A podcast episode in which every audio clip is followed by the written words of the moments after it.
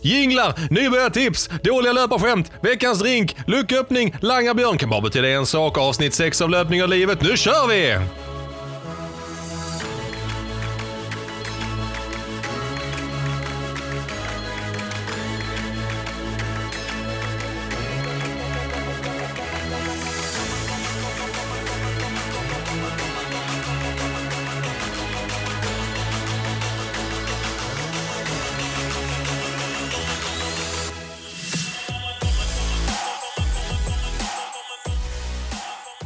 Bam, badam, bam. nu testar jag micken. Jag sitter ännu närmare idag. Ja det gör du. Det Det, det, syns här på ljudkurvan också. Fan vad Ser gött. bra ut. Jag älskar, förutom coronakurvor, så älskar jag kurvor som ser jävligt uppåtriktade ut. Men de här går på rätt håll. Eller på något sätt. Ja just det, är de ligger eh, som en stabil jäkla tröskelpuls. Exakt, som en ljudkorv brukar man säga. Nej, säger man det? ja, Alltså du kan så mycket branschsnack så jag blir, jag blir impad varje gång. Pluggat lite. Jag tänker säga det ljudkorv, tänker komma in på jobbet imorgon. Hur ser ljudkorven ut? Så Det ser fin ut. Vilken, kolla sett den julkorven? Nej, nu säger jag julkorv. julkorv. Simon, Ja. hur är det med dig? Det är, ja du hör ju på mig, jag är rätt Mm. uppspelt varje gång här alltså. Det är rätt så sjukt. Vi brukar ju prata väldigt mycket i veckorna. Ja, Men det gör vi inte nu. Nej, det är för att du springer inte. Fan vad tragiskt. Det är faktiskt riktigt tråkigt. Så att jag vet Mm. inte så mycket om dig.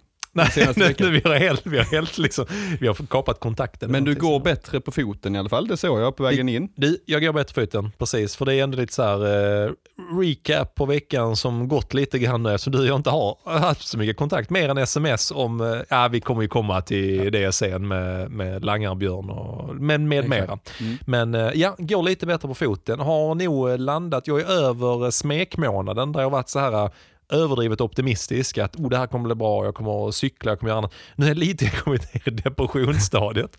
Jag sa till dig innan att eh, fyra kvällar i rad har jag i princip ätit, ätit chips, suttit i Ja. soffan och eh, eh, förbannat mig över att det har varit lite halt ute så jag har inte kunnat Mm. cykla. Men eh, jag, jag tror nog att jag är sidelined eh, alla, minst fyra veckor till innan jag Ja. kan liksom springa någonting tror jag. Men det fixar du Simon, för du har ju faktiskt gått igenom det tidigare också med skador och Det här är omstart nummer fyra. du, du jag börjar känner, lära dig. Jag känner mig, börjar lära mig. Jag känner Mm. mig eh, faktiskt rätt optimistisk eh, ändå. Mm. Hur har din vecka varit Fredrik? Min vecka har varit eh, massor med jobb Mm. och eh, massor med tråkiga distanspass. Postmaraton-depressionen. ja men lite så. Jag, eh, nej, jag körde faktiskt en 200 på Heden bara för att liksom bara, Räknas det? ja, nej Ja. det gör det kanske inte men det, det var kul att trycka på lite. Ja. Det var en god vän till mig som ville testa 200 meter så, så sa jag, nej men jag ska inte springa i alla fall. För det är risk för skada och så vidare. Jag värmde upp bra, fem Mm. kilometer dit. Kände liksom att ja, men jag, jag kommer kunna stå över. Men eh, i stridens hetta så kände jag, fan jag måste snöra på mig Alphafly-skorna och Ja. testa. Går det att springa 200 meter jättefort med Alphafly? Och det gick. Men du, alltså då, då är jag ju som jag är. Jag måste vad sprang du 200 på? 27 sekunder. Åh oh, jävlar, det är ju snabbt. Det är Ja. jättebra ju. Det är 2.13 fart. Ja, inte för att jag har räknat på Nej. Men det är Det, det. står här på min skärm. Ja. Nej, jag skojar. Nej men det är ju grymt ju. Ja, nej men det är kul. Mm. Där finns lite fart kvar i gubben. Det gör det. Gubbknän har vi konstaterat. Mm, du, du har inte gubbvad, du har gubbknän. Så att eh, nästa år kommer jag att satsa på 200. Precis. Nej. Gå på maraton Vi får se. Vi får se. Men, eh, Men det har varit bra, alltså det känns, eh, kroppen är återställd tänkte jag säga, men Mm. eh, jag är redo för att dra igång. Fan vad gött. Eh, jag har gått och tänkt mycket på maratonet, på loppet. Alltså lite så här, hur bra var jag? Ja. Hur, hur dåliga förutsättningar var det? Mm. Eh, vad hade jag gjort om det inte hade blåst så mycket? Så har jag tänkt. Och så har jag tänkt att fan, det var synd att det blev så.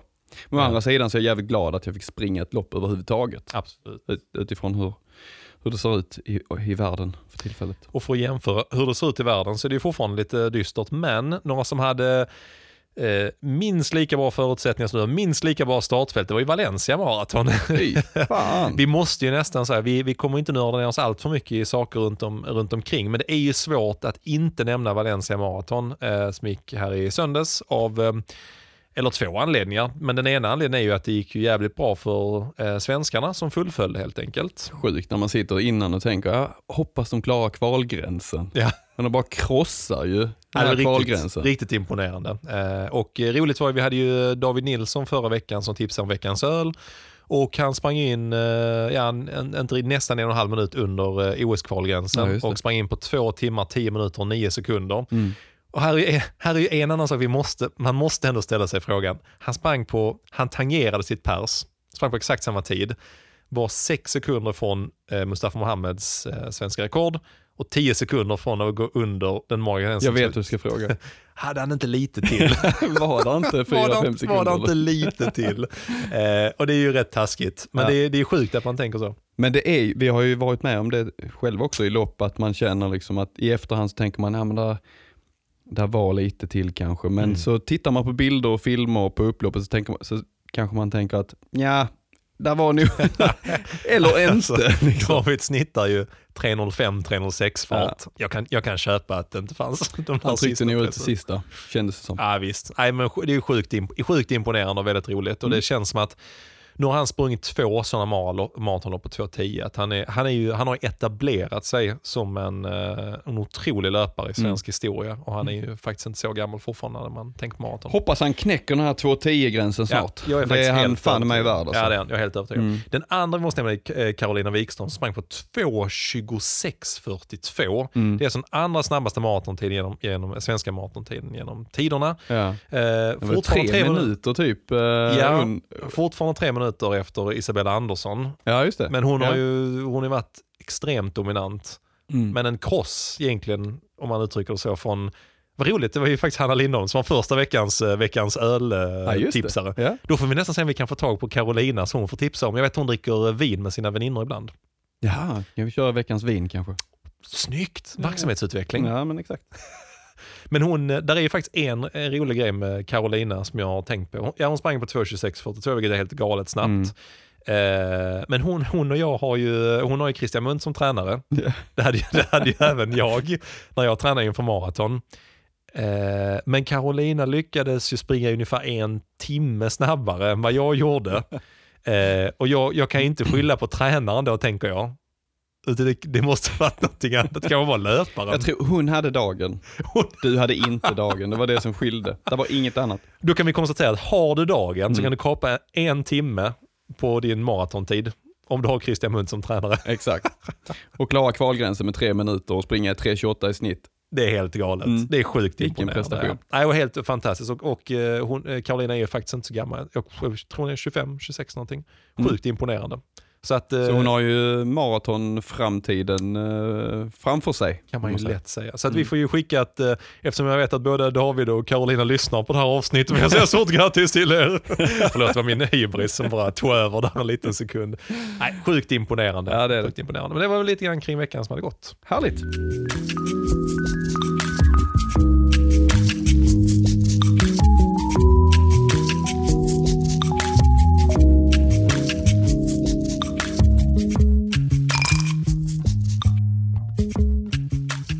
Veckans drink Simon. Vi är ju i Berlin och det är ju så gött för nu har vi precis pratat maraton i Valencia och nu kan vi prata maraton i Berlin. Härligt. Mm. Han du googla Brandenburger torg? Nej, Om vi, om vi sa rätt inte i göra. videon så, som Men jag, jag kan göra det, vet du vad Fredrik? Du Ja. kan ju berätta om så här, Ja. vad är det i den här rackaren? Det är sprit. ja, men googlar du det så, så ska jag berätta lite om Berlin Jägermeister Mule, som den heter, för det är ju Berlin vi är i då. Mm. Och i den så har vi, vi har ananasjuice, vi Mm. har Jägermeister, vi har limejuice Mm. och vi har ginger beer. Ja, det, det är ju som, Som att, en eh, Moscow Mule fast med Jägermeister. Jag tänkte säga som en jävla gott och blandat påse. Mm. Alltså det är allting är man vill lite ha. gurka och citronklyftor i också. Och vi konstaterade förra gången att jag älskar när det är mat i drycken som gurka. Exakt. Och jag kan bekräfta Fredrik, Brandenburger Torr, det är, det är, Det är den, rätt. det är den jäkeln, den stora bågen man springer Ja. igenom där på Härligt. slutet på Berlin Marathon. Det, Fasen det, var bra. det, det är faktiskt en grej. Jag har inte, jag kanske inte, Berlin Marathon måste man springa någon gång Mm. har vi konstaterat för att det, det bara är så helt enkelt. Ett av de största i världen, snabb jävla bana och bra start. Och det, den är i sista veckan i september tror jag, så det är ganska milt och skönt och perfekta förhållanden. Perfekt. Brukar det 13 vara. grader, Mm. mulet, vindstilla, där Ja. har vi det. Men det jag tänkte på så här, eh, när jag tänker, eh, när jag liksom blundar och tänker på maraton så tänker jag på ehm, den här, ja men den Brandenburger Tor som vi var inne på. Alltså Mm. att springa den Mm. mot upploppet på ett maraton, det måste vara bland de häftigaste upploppen som finns. Upploppet är alltså där. Ja, det är Ja. sista um, Häftigt. biten. Sista Coolt. fyra, sex, åtta. Det måste vara nio. sjukt mäktigt. Ja. Jag läste någonstans att det är ungefär en miljon åskådare Det är helt till sjukt. det här loppet. Det är helt sjukt. Det är sånt jäkla tryck. Det är ju det är som Helsingborg gånger, ge- oh, nu matematik, sju kanske? Gånger sju? Ja, Ja. ja. det är det kanske. Kan det vara. Ja. Men det är ju helt Ja, det- bisarrt det, är- alltså. Det är grymt. Så den måste man ju springa. Den är ju en av de här eh, majors. Eh, Den Mm, ingår i majors, Mm. World Majors Marathons. Mm. Men de, de vill man ju springa Ja. eh, allihopa någon gång. Då måste alltså. man bocka av helt enkelt. Ja. Och Berlin Marathon, eh, det roliga med den här drinken, förra gången så pratade vi om veckans drink, Mm. Osaka Dry. Det är ju en man tar kanske kvällen innan, men den här rackaren kan jag säga, den dricker du efteråt. Den kan man slurpa i sig efter ett maraton. Den hade jag kunnat Det- tänka på en vätskestation vid 39. Ja, men den är lite in. så här uh, läskande och uh, härligt frisk. En bästa blandningen mellan tyskt Jäger och karibisk pineapple juice. Det här är en bra balans. Den här måste ni testa och blanda. Den är, den är faktiskt riktigt bra. Uh, och uh, var hittar man receptet Simon? Ja men den hittar man på Instagram. Den ligger ju där på höjdpunkter och den ligger som inlägg och den ligger om du googlar och den ligger överallt. På tyska Den- sidor på nätet och överallt. Men mest på vår Instagram. Precis. Och eh, vi ska ju glida in och, och eh, prata om eh, veckans eh, tema. Det gör vi och det är en bra övergång för att en sån här kan jag tänka mig att man dricker antingen efter Berlin Marathon eller innan man har dragit igång med att löpträna överhuvudtaget. För Exakt. det är nybörjare som vi ska börja prata om nu. Så det hoppar vi över till. Ja Simon, då ska vi prata om eh, att vara nybörjare. Ja, nu fick man sluta skramla i Ja, precis. Bredvid, ja. Sluta äta chips. ja. ja, men det, det ska vi göra. Ja. Hur, kommer du ihåg tiden när du började löp, löpträna? Ja, och det Ordentligt. Sjuka, det, ja, men det gör jag. Och det sjuka är här att eh, jag får lite déjà vu när jag hade handen i chipskålen. För det var, ju, det var anledningen till varför jag började träna från början. Vi sa det, nu är jag ju lite semiskadad och har käkat chips fyra kvällar i rad framför Netflix på kvällen. Och eh, så var det lite grann för mig när jag började träna också. Vi var ett eh, skitbra kompisgäng och eh, Ja men eh, gick på alla HIF-matcher och var och drack öl innan och eh, sen så tränade ingenting och käkade Ben Jerrys på helgen och allt det där liksom. Så hade jag en sån moment där jag bara gick förbi min eh, spegelbild och så tittade jag mig i spegeln och så såg jag bara, det är fan inte tröjorna som har tappat passformen, det är min kagge. Alltså det blev två lite så. Var det Så- lite ångestkänsla du fick Ja men det då, var, eller? sån, det var en sån bakis söndag. Så det var verkligen Mm. sån här ångestkänsla. och eh, ja, men då var jag runt, eh, kan vara 24 eller någonting. Liksom. Mm. Om du vet när man, när man är 18-20 så kan man trycka i sig vad som helst. Mm. Så helt plötsligt så kommer det liksom till en platå Mm. och sen så börjar det stagnera. Så bara, nej nu börjar det ju, det här är ju inte bra liksom. Eh, och då, då bestämde jag mig bara, nej fan jag ska komma igång och börja träna. Och då hade jag en avslutningsgrej, en sån här fest för mig själv. Jag kallar den för, eh, kallar den för grisfesten. Så jag hade en, en kväll. Allt ska tömmas i baren. Du, Var exakt det så? så? var det. Mm. Exakt så. så jag, gick till, jag gick till Hemköp, vi bodde på, ja, för de som känner till Helsingborg, jag bodde på Statena här i Helsingborg. Gick bort till Hemköp eh, ställ- och så bara så packade jag på mig, hade en påse chips, en halv liter Ben Jerrys och en påse lösgodis. Och sen så när jag stod i kassan, det här är typ en av mina skämmigaste ögonblick i hela mitt liv. Jag står i kassan som lite flottig och lönnfet sådär med de här grejerna. Och så står jag i kön och så blickar jag så ser jag ett eh, magasinställ längre bort. Så är det en sån här, eh, det finns en tidning som heter Kom igång man. Den är så här, kom, ja, det är så här träningstidning, kom igång man. Och så stod det så, eh, få dina drömmuskler på 12 veckor. Och så när jag stod där, du vet, du vet när kön inte går framåt, då börjar man titta sig omkring Ja. om man ska panikköpa någonting. Så jag gick bort och så tog jag den tidningen och så råkade jag rycka ner halva tidningsstället när jag gjorde det. Så det, det låg tidningar överallt, så alla vänder sig om. Tittar man på mitt band så är det liksom Ben Jerrys, Det var- chips. Det var lite som att köpa kondomer Ja för dig. Liksom. men precis, så hade den här kom igång. Det ska gå snabbt, jag ska sticka in den under Precis. något annat. Ja, den får dina drömmuskler på 12 veckor, la upp sist på bandet. Det var, ja, det var riktigt pinsamt. Men, Ja. eh, nej, men det, var så, det var så jag började. Sen började jag, tro det eller ej, började jag styrketräna. Men Men eh, två år senare så insåg jag att det var ju, det där ska man inte hålla på med, utan det är löpning man ska hålla på med. Mm. Så att, eh, Men, nej, vad, det var vad var det som fick dig att inse att du skulle springa istället för att bygga muskler? Eh, det var egentligen rätt slumpartat. Mm. De för, jag är lite sån, ja men det är som vi har pratat, både du och jag, vi, jag är också all in person. Så Mm. att, eh, jag gick ju från att inte ha tränat överhuvudtaget till att träna fem dagar i veckan direkt. Ja. För jag bara kände att jag måste bara. komma Mm. in i det. Mm. Så eh, två, de första två veckorna var ett helvete. Mm. Eh, inte bara träningsverken utan även rutinerna och så. Men sen så eh, ren slumpartat också att jag eh, opererade bort en leverfläck på ryggen. Så Mm. att, eh, och då hade jag tränat i ja, ett och ett halvt år, styrketränat liksom. Så att, och då sa de det, "Men du får inte lov att lyfta någonting nu på några veckor liksom. Ah. Och det blev så, ska jag bara träna ben fem dagar i veckan? Alltså det, kommer- man kommer ju se helt freak ut. Så jag testade det här med att springa, för jag hade bara sprungit innan jag hade värmt upp på löpan och sånt. Så, Mm. Nej, så sprang jag så här 6 km rund och 7 km rund och så bara kände jag shit, det är ju jäkligt schysst liksom. Du kände det från början att det var kul eller?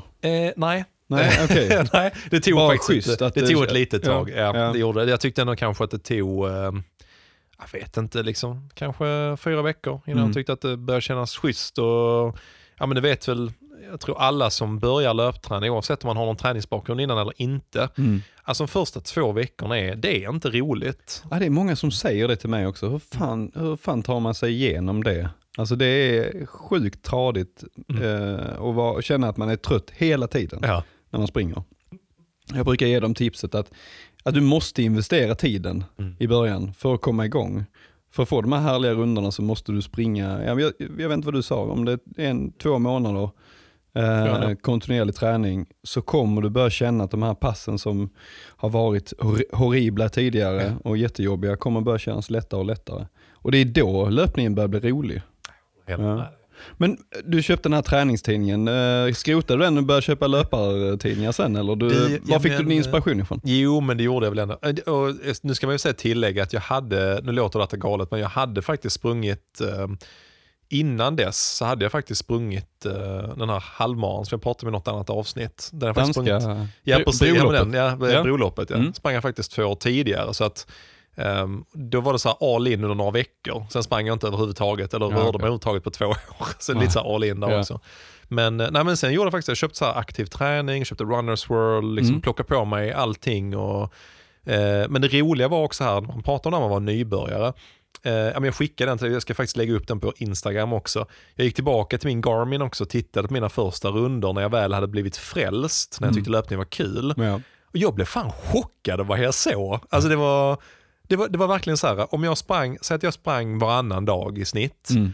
det var bara intervallpass Ja. eller tröskelpass eller tempopass. Det var bara, jag, bara, Mm. jag blev helt chockad. Tänkte, där finns ingenstans där det bara är så här jogg. Och det kände jag så här, det är helt sjukt. Lunch run. Det var inga lunchruns. Ja. Men, det, är- ja, men det, är, det är också slående och med många av dem jag pratar med så är det ju lite den, den synen man har på löpning. Mm. Att det, du utvecklas bara när det gör ont eller när det är jobbigt. Alltså, och det är klart att kroppen kommer säga ifrån förr eller senare att det här är inte rätt. Du måste sluta springa. Eh, och det kan ju yttra sig på olika sätt. Men det är roligt för du hade ju en annan ingång när du började löpträna ju. Om man jämför med min eh, Mm. super, eh, bara intervaller varenda runda, så Ja. hade du lite annan take.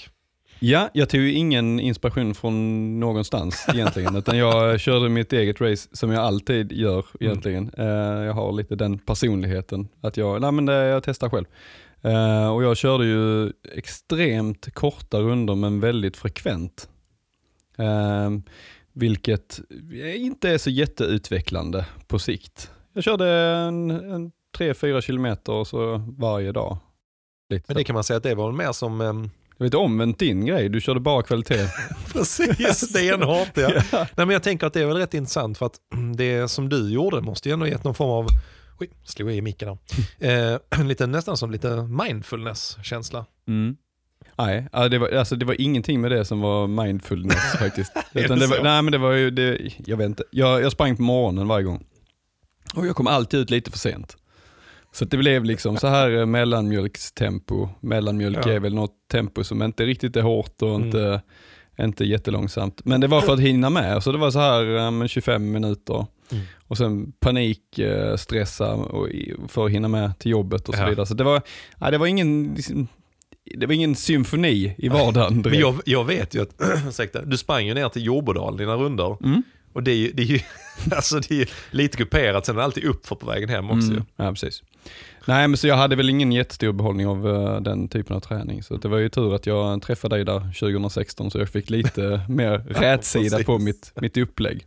För jag kände verkligen att, jag vet inte vad jag tyckte, alltså jag, ville, jag ville ha någon eh, form av eh, sund, eh, hälsosam aktivitet. Men eh, det var, eh, nej men det, det, det kändes inte som att det gav någonting direkt. Nej. Och det gjorde det inte heller, jag blev liksom inte bättre. Det blev- var lika jobbigt varje gång.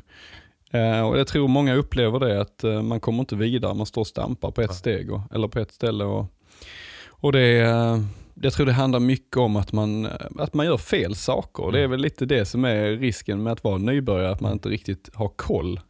Men här är det spännande också, för nu, nu tänkte jag på, ja, vi snackade om det innan, jag har ju lyssnat igenom alla våra poddavsnitt och du har också gjort det en vända till nu, för att det, ja, men vi, vi vill ju alltid utvecklas. Mm. På tal om det, det, det är du inne på nu också, då utvecklas man inte. Men måste man utvecklas? Bra fråga. Ja. Ja, men man måste ha kul. Och jag tror att man har roligt om man känner att man blir bättre. Ja. Alltså det är stimulerande att se utveckling. Alltså alla kanske inte funkar så, men jag tror de flesta som gör någonting, eh, vare sig det är jobb eller det är en, en hobby, vad som helst, så vill man se utveckling. När du ser utveckling så är det, det är tillfredsställande. Du känner att ja, men jag gör någonting bra.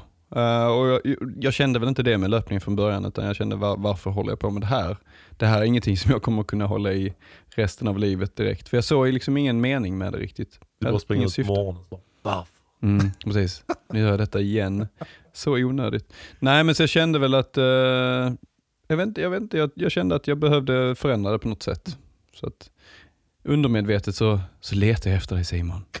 I mörkret. Och sen så skickar du mig ett sms. Ja. Men där är också, jag tänker med utveckling att eh, du och jag refererar ju ofta till utveckling som att du blir snabbare eller du kan springa längre. Mm. Men det kan ju också vara, alltså precis det du är inne på, att man faktiskt känner att det inte är jobbigt längre. Mm.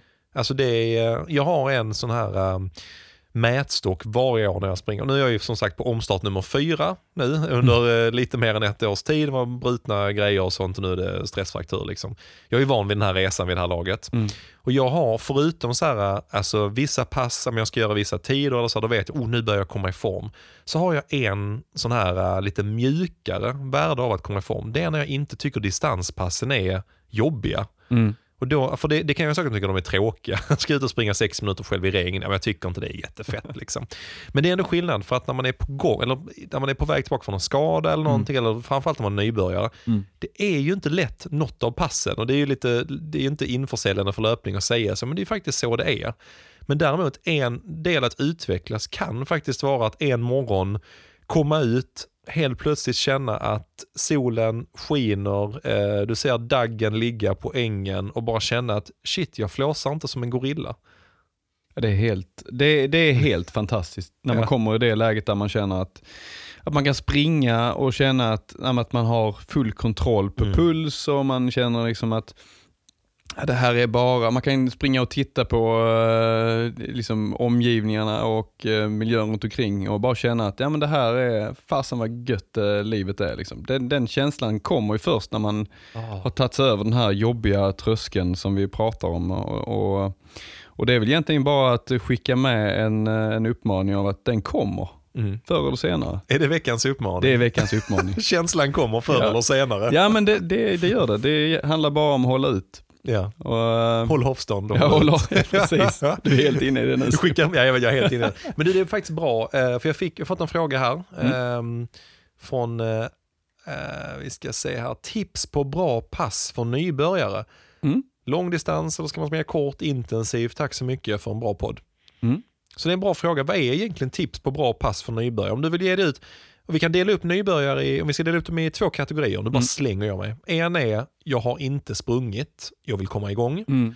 Och där är en kategori där jag springer någon gång då och då. Mm. Nu vill jag liksom kanske springa lite mer eller lite annorlunda. Ja.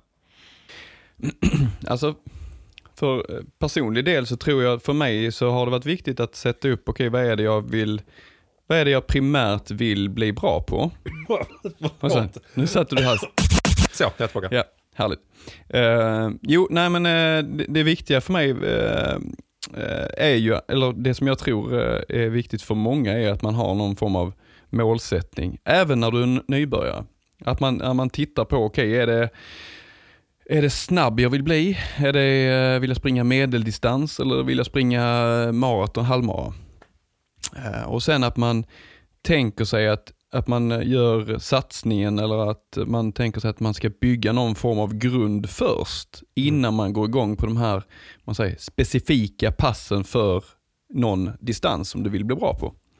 Jag tror många går in i att köra ganska tufft direkt. Att man tar, tar tips, man kanske läser någonstans på nätet att ja, du ska sp- sp- springa, polariser- du ska träna polariserad träning, du ska Mm.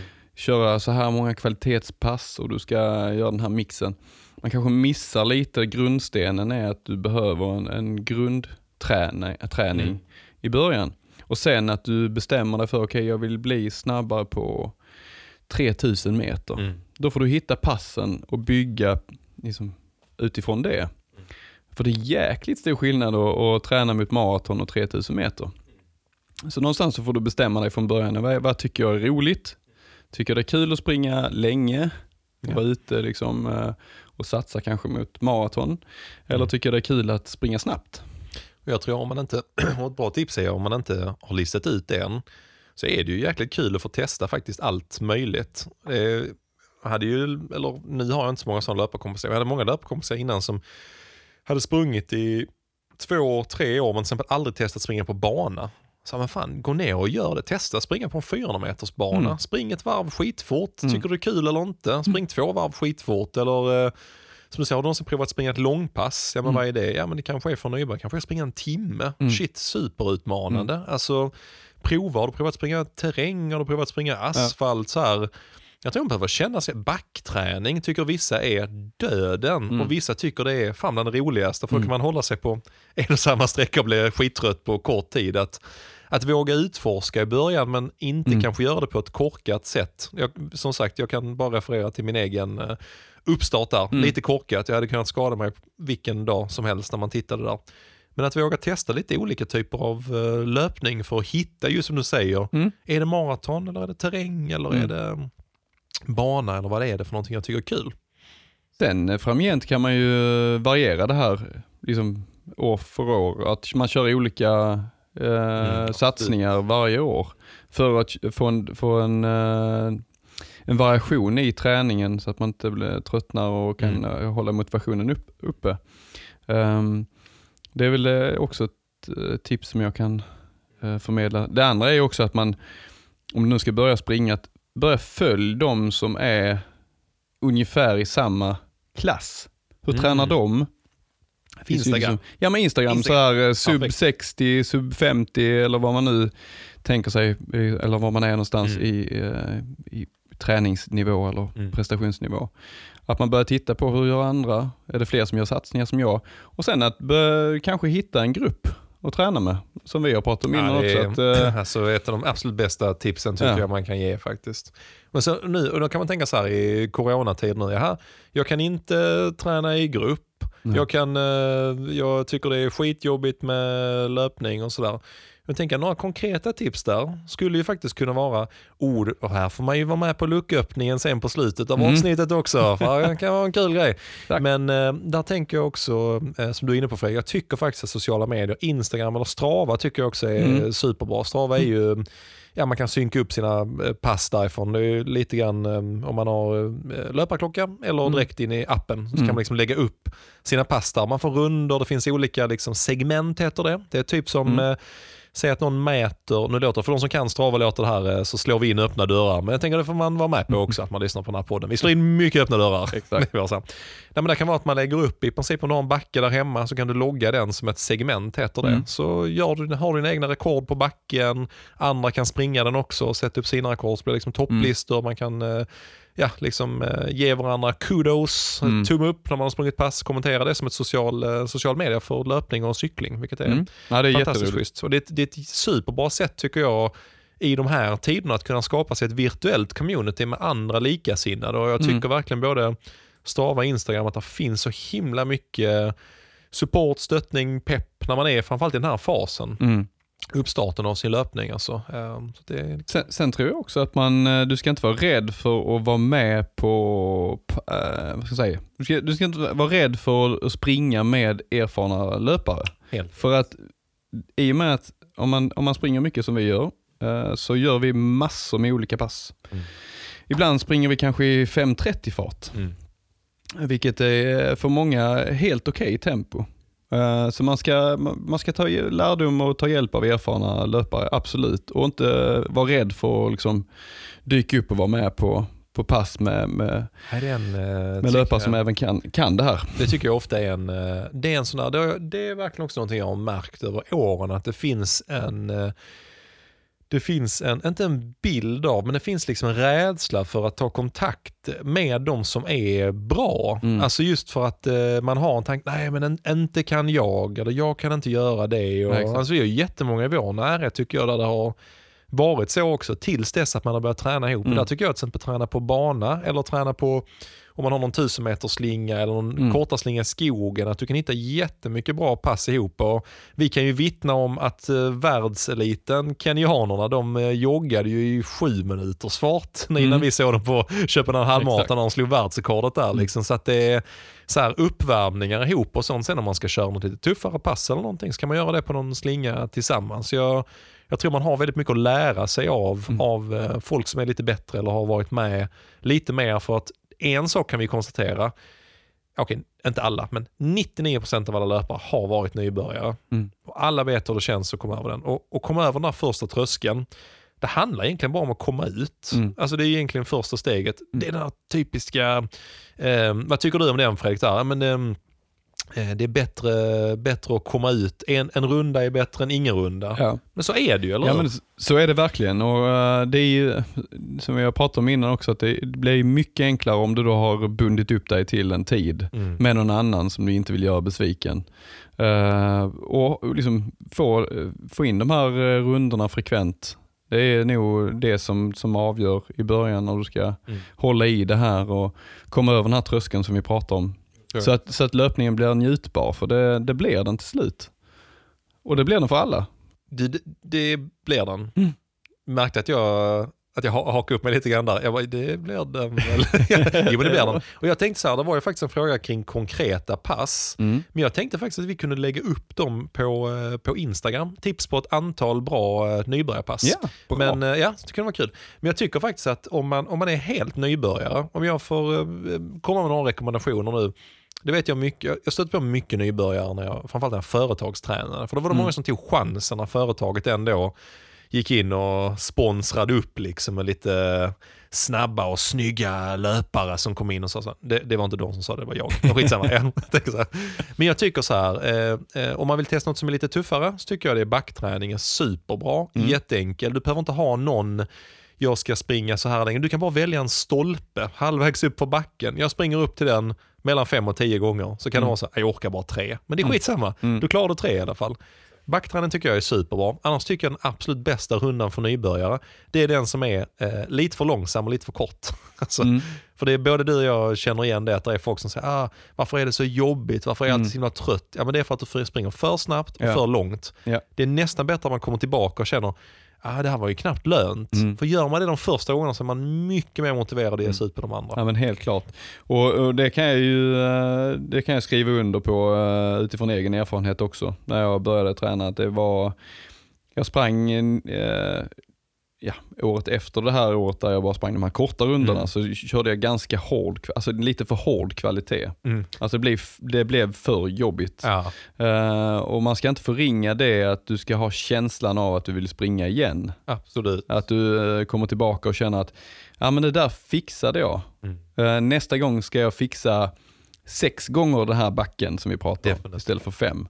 Så att eh, låt utveckling ta tid Ja. och få in det som en rutin i vardagen och liksom hitta ditt sätt. Eh, ta tips men hitta ditt sätt för att eh, känna att det här är någonting som du kan leva med.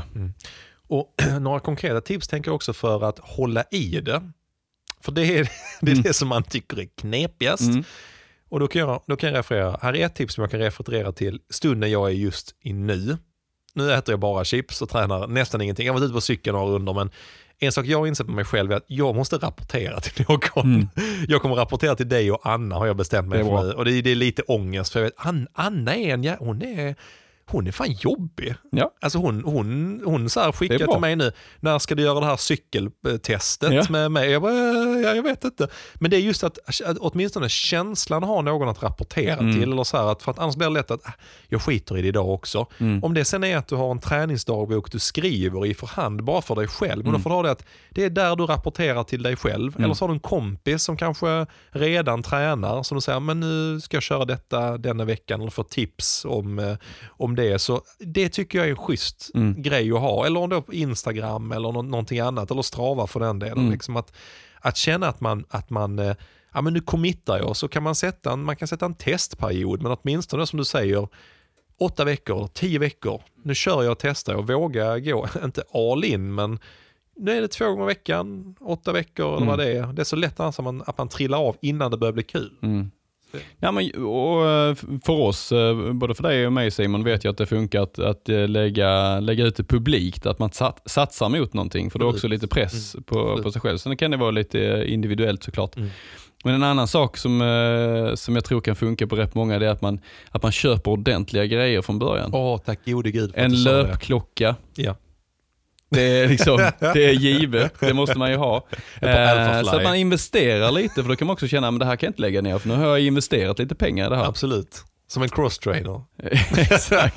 Det ska, skrattar vi jättemycket, men det är för att eh, ja, jag, tror, jag har haft en cross-trainer som jag inte använt. Men jag tycker löpa, löparklocka är faktiskt schysst. Det finns Mm. ju jättebra, eh, alltså du kan köpa en superbra begagnad för några hundringar Mm. liksom på Blocket och sånt. Men jag håller med dig att det är faktiskt värt att investera i och även ett, åtminstone ett par bra skor. Ja. Alltså, fan det är värt det. Ja, det är också viktigt utifrån eh, skaderisken om du inte har bra skor, att du Helt tar rätt. fram dem du hade på Mm. gympan på gymnasiet så är det en jäkligt stor risk att du Alltså, blir jag har skadad. ändå kompisar som har gjort det. Ja, jag vet. Eh, nej men löparklocka, absolut. Det är, och sen in på registrera dig på Strava, hitta vänner där. Uh, bind upp dig mot tider, Mm. börja, spring lugnt i början, hitta din, din grej, hitta din känsla. Och sen är det ju bara att eh, bygga en bra grund och sen specialisera dig mot någonting. Eh, boka upp ett lopp eh, lite längre Mm. fram och sen kör något delmål däremellan. Att om du nu går på en mara direkt, ja men boka den maran. Mm, och sen eh, så kollar du om det är någon halvmara på vägen som du kan springa. För eh, då har du lite, lite att se fram emot däremellan också. Och vi kommer som sagt lägga ut lite tips också på några konkreta sådär, eh, nybörjarpass som kan vara schyssta och Mm. roliga att testa och sådär på Instagram. Samma sak där, var inte blyg, ställ en massa frågor. Jag och Fredrik har ju, vi har fan ingenting annat att göra. Vi svarar på dem. Vi har alla varit där. Jag kommer ihåg min första, som jag berättade om där innan också, men min första, första gången jag klarade milen kommer jag ihåg var i Pålsjöskog. Man sprang den två kilometer slängen. Sen nu är det lite jobbigt i efterhand för att jag vet om nu att den är inte exakt två kilometer, lite kortare. Så egentligen sprang jag inte en mil, jag sprang kanske 9,6 men jag låtsas som att det. var en mil. Det. Ja. Eh, Det går ju att ändra inne på Garmin Connect också, att man precis. ändrar Jag distans. tänker fan göra det. Mm. Nej, men jag tror att jag sprang min första mil på, eh, jag kommer inte exakt ihåg, men en timme och åtta minuter tror jag. Det var liksom min Mm. första mil och jag hade ont i kroppen som fan. Men Mm. ja, alltså jag var så jävla stolt över mig själv Mm. alltså. Och nu har jag nästan halverat tiden. Ja, i princip Ja, halverat det. tiden. Liksom. Mm. Så det är ju, det kommer Ja, det är in på lite mer sen på utvecklingsdelen. Men det är så här att eh, jag tycker att alldeles för många är för rädda för att vara nybörjare. Att det Mm. är läskigt att vara nybörjare på någonting. Mm. Det, och det kan jag säga, minns jag när jag skulle börja gymma, de första morgnarna jag gick in där med morgongänget, Mm. de hade ju varit där några år kan jag säga.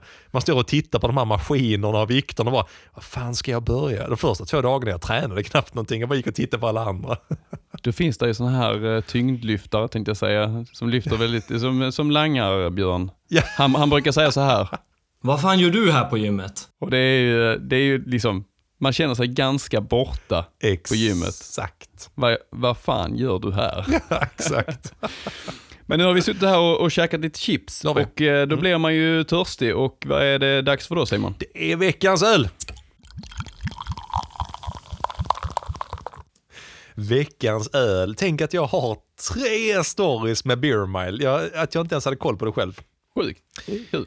Det är faktiskt väldigt sjukt. Vi har ju gått igenom två stycken veckans öl hittills. Jag har, jag har content till Content. den också. Sen är det, kom, nu kommer jag fram på påhittig om vi ska fortsätta med veckans öl. Annars blir det veckans vin vi kommer över till nästa vecka. Eh, men så här är det, vi håller ju i en Mikkelleröl.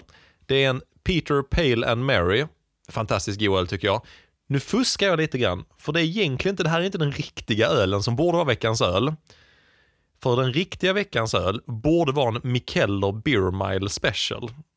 De har alltså, har alltså gjort en specialöl för deras egna Beer Mile-tävlingar. Är det sant? Den kunde inte jag få tag på kul. av uppenbara skäl.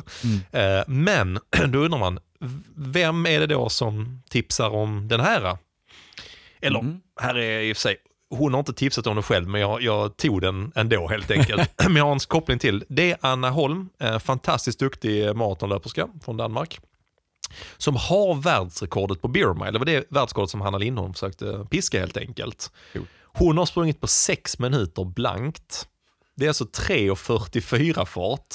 Och det är inklusive de här fyra bärsen alltså. Det är så sjukt.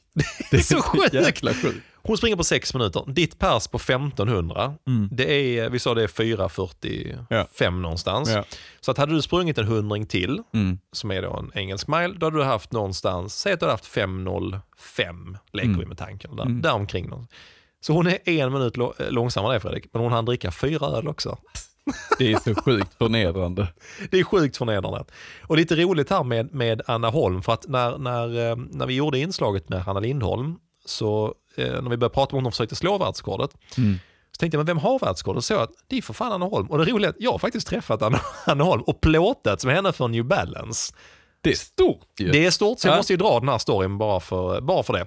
Så att det, det är hennes öl vi dricker, världsrekordölen då, en variant på det helt enkelt. Ja. Men eh, Anna Holm, det här var på tiden då jag och eh, jobbade med Helsingborg Marathon och tillsammans med Andreas då. Och det var, då skulle New Balance, vi hade av någon outgrundlig anledning attraherat oss New Balance. Eh, jag, jag var runt på stan ett tag och raggade. Det var inte jättemånga som var intresserade av eh, mig och Andreas i början. Eh, ska ge cred till Helsingborgsföretaget Puma som var supernälla och hoppade på Helsingborg Marathon också. Men det blev New Balance i alla fall i slutändan. Eh, men det roliga var att de skulle göra en lokal kampanj med lokala ambassadörer och sådär på olika platser och göra inspelningsfilmer. De gjorde med Sullan Hassan bland annat till exempel i Göteborg då. Men av någon anledning så ha- halkade liksom jag och Andreas in som ambassadörer i Norden då för eh, New Balance. Så de hade alla de här fantastiska löpare, eh, någon eh, influencer och sen var det jag och Andreas. vi kände oss lite malplacerade. Det var nästan vi var så här, eh, är ni säkra att det är rätt? Liksom, Lite eh, på temat nybörjare där Lite också. på temat Ja. nybörjare, ja precis. Och vi, ja, men det var, vi hade en jätterolig tid med New Balance. Ja. Jag berättade att vi var på Expo på varvet och Mm. sådär. Jag fick träffa alla deras duktiga löpare, skitroligt. Men så kom den här plåtningen då. Mm. Eh, och då ville de göra lokala nedslag som de gjorde som sagt i Göteborg med Suldan och lite andra. Men då, då helt plötsligt hörde de av sig, så vi ska göra en plåtning i Helsingborg. Så sa vi, ja men vilka är här? Alltså då, ja för det var inte jag och Andreas, det fattar vi ändå att de inte ville göra, Nej. att de skickar hela filmcrewet liksom sådär ner för att träffas. Men då var det just Anna Holm. Ja. Eh, och det var rätt roligt. Och hon, hon är ju, kommer från en maratonsläkt. Hennes pappa Henrik Jörgensen vann faktiskt London Marathon eh, 1988. Och eh, det är liksom eh, Annas paradgren också, hon har gjort 2.33 på maraton. Så hon är otroligt, otroligt duktig. Eh, och det var sommarens varmaste jävla dag och jag som inte är insatt i någonting fattar ju inte att det var inte sommarkläder vi skulle plåta.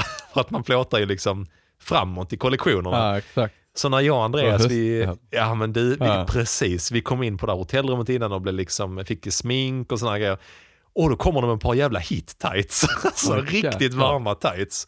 Så de drog vi på oss, sprang på strandpromenaden i Mitt i 28, sommar, ja, ja. i 28 grader. Men Anna Holm hon var fantastiskt trevlig. Vi hade Mm. ju, alltså många som, som eh, inte känner till Skåne tänker, ja men skåningar och danskar förstår ju varandra. Mm. Eh, eh, ibland inte kan jag säga. Inte nyktra i alla fall. Inte nyktra. Och vi hade inte druckit någonting kan jag ju säga. Men vi hade oavsett, vi hade en heldagsplåtning med New Balance. Jag ska se om jag kan leta fram lite filmmaterial från där vi springer tillsammans med Ja men det hade varit kul. hade varit väldigt roligt. Mm. Sen kan man ju säga så här också som en parentes att slutprodukten av den här uh, filminspelningen och uh, reklaminsatsen var ju 95% tid Anna Holm, Mm. 5% tid Simon och Andreas. Ni, ni sprang efter henne med kläderna. så Vi sprang liksom, efter henne med kläder. Vi sprang med jacka i 28 grader, det var fantastiskt. Och jag svettas ju bara jag tittar på en jacka, ungefär så. jag, jag tror jag har sett någon bild därifrån. Det ser ändå ut som att eh, ni, ni ger ju allt. Alltså ni försöker se uh, lätta och fina ut i steget. Så att, Absolut. Anneholm joggade och vi sprang allt vad vi hade. Ja. Men det var i alla fall min lilla story där kring också eh, Anneholm. Fantastiskt duktig. Och Mm. eh, det här är en variant av ölen hon drack när hon slog världsrekord i beer mile. Super, Mm. tack för det Simon. Nu ska vi uh, vidare och prata utveckling. Det gör vi. Och ja, vi ska prata utveckling som tema, men vi ska också prata utveckling av inslagen. Nu, nu ska vi... Va? Nu ska, vi, har ju, ja, vi tar detta varje gång, men jag tänker att det kan vara bra för nya lyssnare. Varje vecka så, så jag och Fredrik har växelvis. Varannan vecka har vi att vi gör någonting som den andra inte vet. Och så ska det vara något lite, lite tjosan Vänta, inslag. det ringer sådär. här nu. Jag måste... Ja, precis ja. Och vi har ju vi har liksom satt varandra på den eh, heta stolen lite grann nu i varv nu. Det ska vi inte riktigt gö- göra denna gången. Och det här, för jag satt igår och tänkte, jag hade haft, ja, det är nästan varje vecka, jag har haft en sån jävla vecka på jobbet. Jag hade inte riktigt hunnit fundera ut vad jag skulle göra och sen bara kom det till mig. Mm. Så efter Lisa gått och lagt sig så tog jag eh, ett glas vin och så satt jag mig och gjorde detta. Så Fredrik, nu, nu ska vi ha, eh, nu ska vi ha, försök att inte skratta Okej. Ja, ja, ja. med egenskrivna löparskämt av mig. Det ska vi ha nu. Då kör vi det.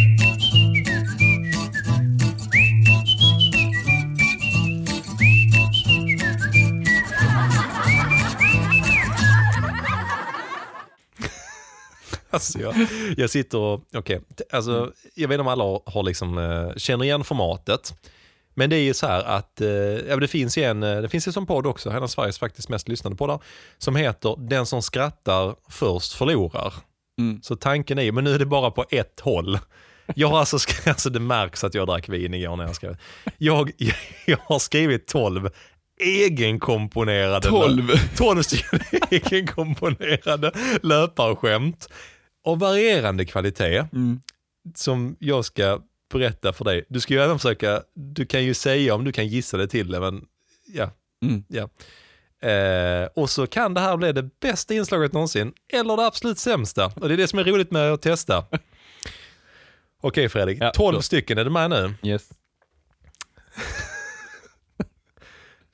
Vet du vad den ryska maratonlöparnas energicoach hette?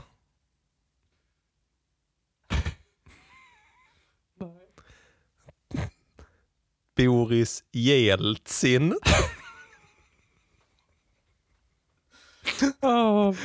Han, är, han dog 2007.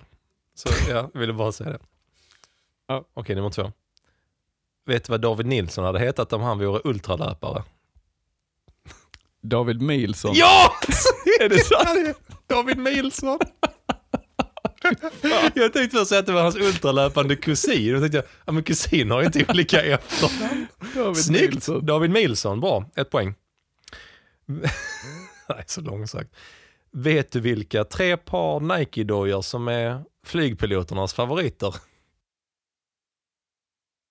Alpha Fly. Ja men det är någonting med Fly ju såklart. Det är uh, Vaporfly, Alphafly och I can fly.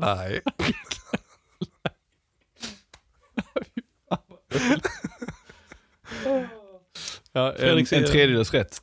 Fredrik Skatteverket. Vad sa du? Skatt, Skatteverket. Ja. Vet du hur de tycker man ska bokföra? Nej. Löpande.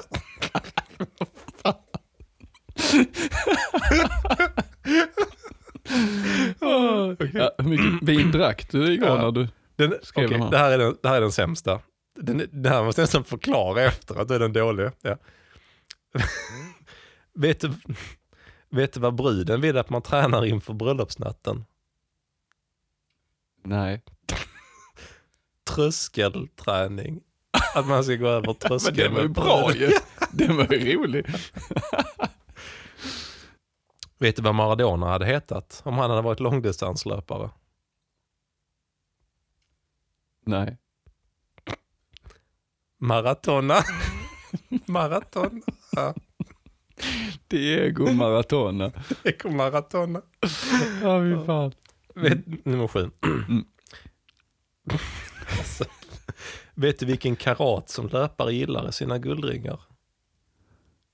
Eh, nej. 10K. Fan. Tänkte jag satt själv igår med detta. Den här. Okej, de, de sista, nej de är inte bra de heller, men skitsamma. Den här, den här, den här knappt att den makes sense. Vet du hur Kipchoge, vet du hur Kipchoge gillar sin musik på? Hur han gillar sin musik på. Jag var tvungen att lägga till på för att det skulle vara fatta. Jävla dåligt. Vet du, hur han gillar sin musik på? Nej. Hög volym. Han springer mycket. Ja, förlåt. Ja. Okej, nummer nio. Ja. Du, du kände liksom att jag måste ha 12. Ja. Jag vet inte varför det blev 12, jag bara kände att det blev så. Vet du vad 800 meterna, 800 meters löparna åker på träningsläger? Nej. Det finns, det finns två svar, för jag kunde inte bestämma mig. De åker till Skånemejerier för de vill ha mjölksyra. Den är så dålig. Mitt alternativ var till USA i Syracuse.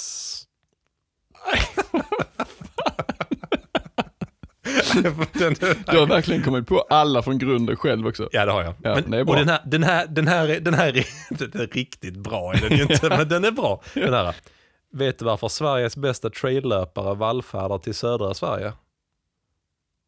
Ingen aning. För de vill springa i Trailerborg. Tyckte du den Alltså, var bra? Trailerborg, Trailerborg. Trailerboy. Ja. Åh, så- Mm. Den, ne, okej. Detta Den meckat. Nu är det två kvar. Den sista är riktigt bra. Mm. Den, är, den, här är, den här är riktigt dålig. Nu märks det att jag inte riktigt var på hugget. Den sista är jättebra. Det, du försöker ha kvar alla lyssnare nu liksom. Ex, det, precis, jag känner, nu har vi tappat Häng 90 kvar till det procent. sista. Nu har vi tappat 90 procent. Nu, nu ska vi behålla någon. Vet du vilket Sveriges, alltså, vet du vilket Sveriges bästa löparvagnsband är? Nej. Om det finns någonting som heter löparvagnsband, det är Ultima Thule. Alltså, den borde jag ha satt. Ja, den borde du ha satt, ja. Den var inte långsökt. Nej, Nej precis. Okej, sista frågan Fredrik. Mm. Vet, vet, du vad familj, vet, vet du vad familjen Ingelbrektsson blev matade med som barn? Nej, jag har ingen aning. Jocke! Jocke. det var bara Jocke. Åh, åh. Ja. Tack Fredrik. Ja, det här var... Det här... Mm, tack Simon. Och nu går vi över på utveckling på riktigt på temat. Ja, det gör vi. Jag tänkte vi skulle liksom direkt kasta in en lyssnarfråga. Ja men det är väl en bra start. Mm. Vi har fått en fråga från eh, Miles to Catch här på Instagram om hur länge man egentligen kan kalla sig för nybörjare. Bra fråga. Visst är det? Ja, jättebra fråga. Ja, Hur var det för din man, del Fredrik? man vill ju gärna vara nybörjare så länge som möjligt på något sätt för att eh, kunna gömma sig bakom dåliga resultat. Ja, men jag är Mm. Ja. precis börjat springa Precis. fem, fem år sedan. Exakt. Jag är fortfarande eh, precis i början på Ja. min kurva. Nej, men jag kallar mig nybörjare ganska länge tror jag. Mm. För där, där är så mycket att lära sig. Mm. Eh, Så att eh, det var väl först efter kanske två, år- två tre år som jag kände att ja, men nu kan jag nog inte kalla mig nybörjare längre. Nu har jag lite koll på grejerna. Superspännande. Kan man sätta, kan man sätta så här en, eh, en tid på milen eller en eh, vad vet jag, eh, distans eller en, eh, hur länge man har sprungit. Kan man sätta en sån gräns? Ja, men nu är jag inte nybörjare längre.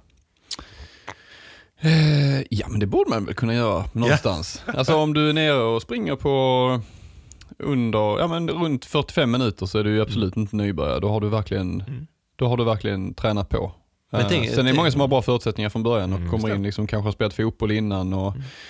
Men eh, det beror lite på vad man lägger i begreppet nybörjare. Nybörjare inom löpning, ja men har du koll på alla skolmodeller och hur det funkar med var ställer du upp i en, eh, på ett 400 meter så startar du med startblock eller vad ska du ha för kläder? Alltså det är så jäkla många grejer som, som du behöver ha koll på i början, eller behöver inte, men det, som du kanske ska ha koll på. Jag vet, eh, jag vet fortfarande inte när man har startblocken. Det är 400 meter tror jag va? Ja, Är det? det är det nog ja. Mm.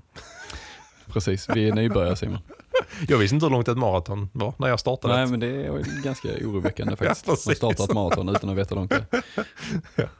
Eh, nej men så där, där är ju där är ju mycket att, eh, att lära sig såklart. Så det är Mm. klart att man kan vara nybörjare ganska länge. Mm. Så tycker jag i alla fall. Mm. Men när, började, när, kände du, när kände du att du inte var nybörjare längre? När du liksom tog så här, nu tar jag ett, ett kliv här. Ja, men det kände jag nog först när jag började liksom få frågor om att tipsa andra. Ja. Då kände jag att ja, men nu kan jag ju inte vara Spännande. nybörjare längre. Nu, nu ska Mm. jag liksom iklä mig i en roll som, eh, som rådgivare på något sätt. Och då Ja. kände jag att ja, men då får jag nog step it up lite grann. Mm.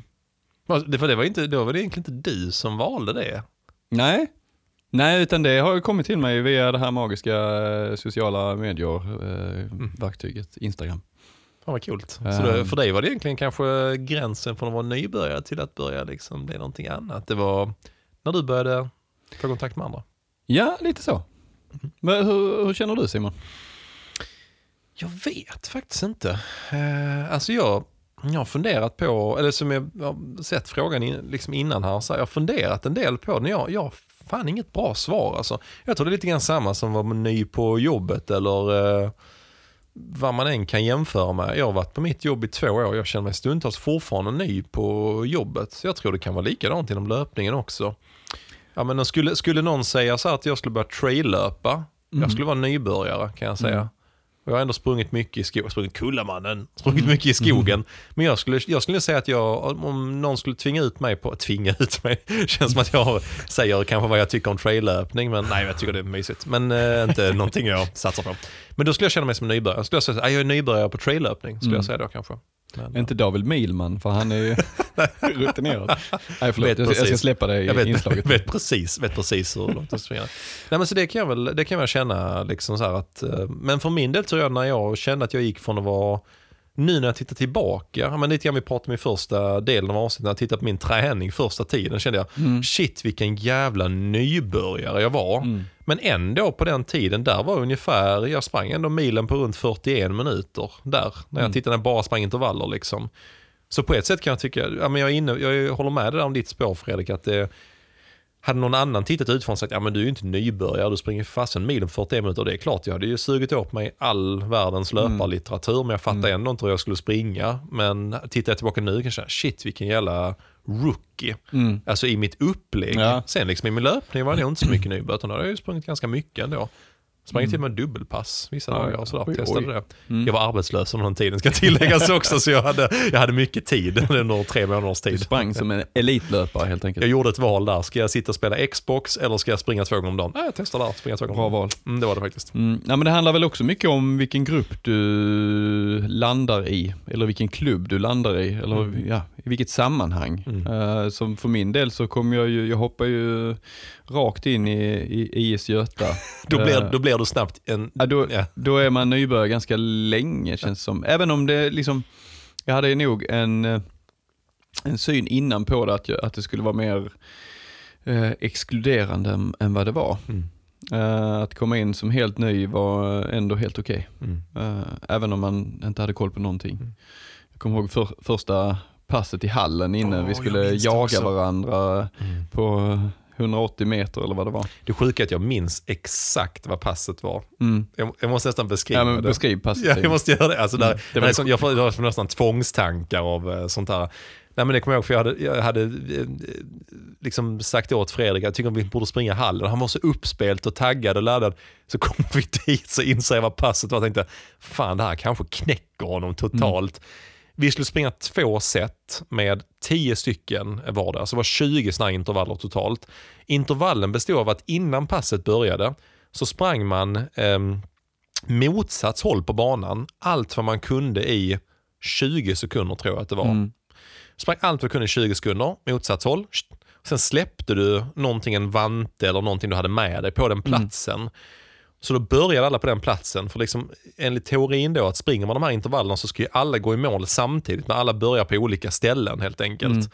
Och jag kommer ihåg, jag, för jag sprang också passet, och jag kommer ihåg efter de första tio så var jag lite vimmelkantig. Alltså det var sån jäkla, det är, tänk på det själva var- 20 sekunders intervaller. Men du, du höll ut, men du, du, du Nej. tyckte att det var jobbigt och Nej. roligt, eller ja, så här. Ja men det är ju lite som, eh, man var ny och man kände liksom att nu ska jag, nu ska jag visa vad jag går för. Och då, då sprang jag ju ganska fort på första. Vilket gjorde att jag hamnade liksom långt ifrån målgången. Ja, just det. Så, och sen hade man ju den på varje intervall sen, det avståndet. Så det var ju lite, lite, lite rookie mistake där. Men, eh, men, det, ja, men det känns ändå som att man kom in ganska fort, men man hade inte koll på någonting. Nej. Alltså vad man skulle ställa upp och så vidare. Eh, särskilt i den hallen också, jättesvårt att räkna på hur många 180 varv. meter. Ja, men precis. Men där var, så jätte, ja, det var väldigt många saker, man, vad ska man ha på sig, vad, vad springer man i för skor? Eh, ja, allt mellan Mm. himmel och jord som man ska lära sig. Så att jag kände att jag var nybörjare ganska, under en ganska lång tid Mm. innan jag började få koll på de här grejerna. Så att, eh, Men hur har det för dig varit? Där, där du alltså nu, just du Fredrik, har haft, vi har pratat med dig, du har haft ett fantastiskt år. Slått, tangerat pass på 800 och sen passat från 1500 meter upp till maraton. mm. Känner du att du fortfarande är inne i en, alltså att du är inne i en utveckling? Eller känner du att du redan har gjort liksom, din utvecklingsresa? Mm. Nej, men alltså, det är ju det här, min utveckling har ju varit eh, eh, med avstamp på vissa platåer. Alltså att du, du, du utvecklas väldigt snabbt och sen så kommer du till en platå. Och, så, Platå, platåerna är intressanta. Ja. De vill jag att vi stannar kvar vid Ja. lite grann också. och den platån då, det är då du är liksom inne och tvekar lite på din, eh, på hur, hur bra du kan prestera, Mm. om du tränar rätt. Eh, det händer inte så mycket under den tiden. Och den, de kommer uh, uh, titt som tätt i, eh, i träningsupplägget. Och antingen kan man ju se det som att fan nu är jag inne på den jävla platån, Ja. fan vad tradigt. Eh, och, och se det som något negativt, men jag ser det som, som positivt. Att det, du har kommit till en milstolpe, Mm. nu ska du reflektera, du ska fundera på vad du gör och vad du kan förändra Mm. i ditt träningsupplägg. Eh, och hitta nästa steg för, till nästa platå eh, i utvecklingen då. Det du beskriver här tycker jag är spännande för att det här tycker är för mig också en del skillnad i att vara nybörjare Mm. och att kanske ha sprungit lite mer. För att när man är nybörjare och kommer till den här platån, Mm. då blir man stressad rätt så fort tycker jag. Ah, vad är det jag gör fel? Varför utvecklas jag inte? Och det, det behöver inte vara att man är där länge.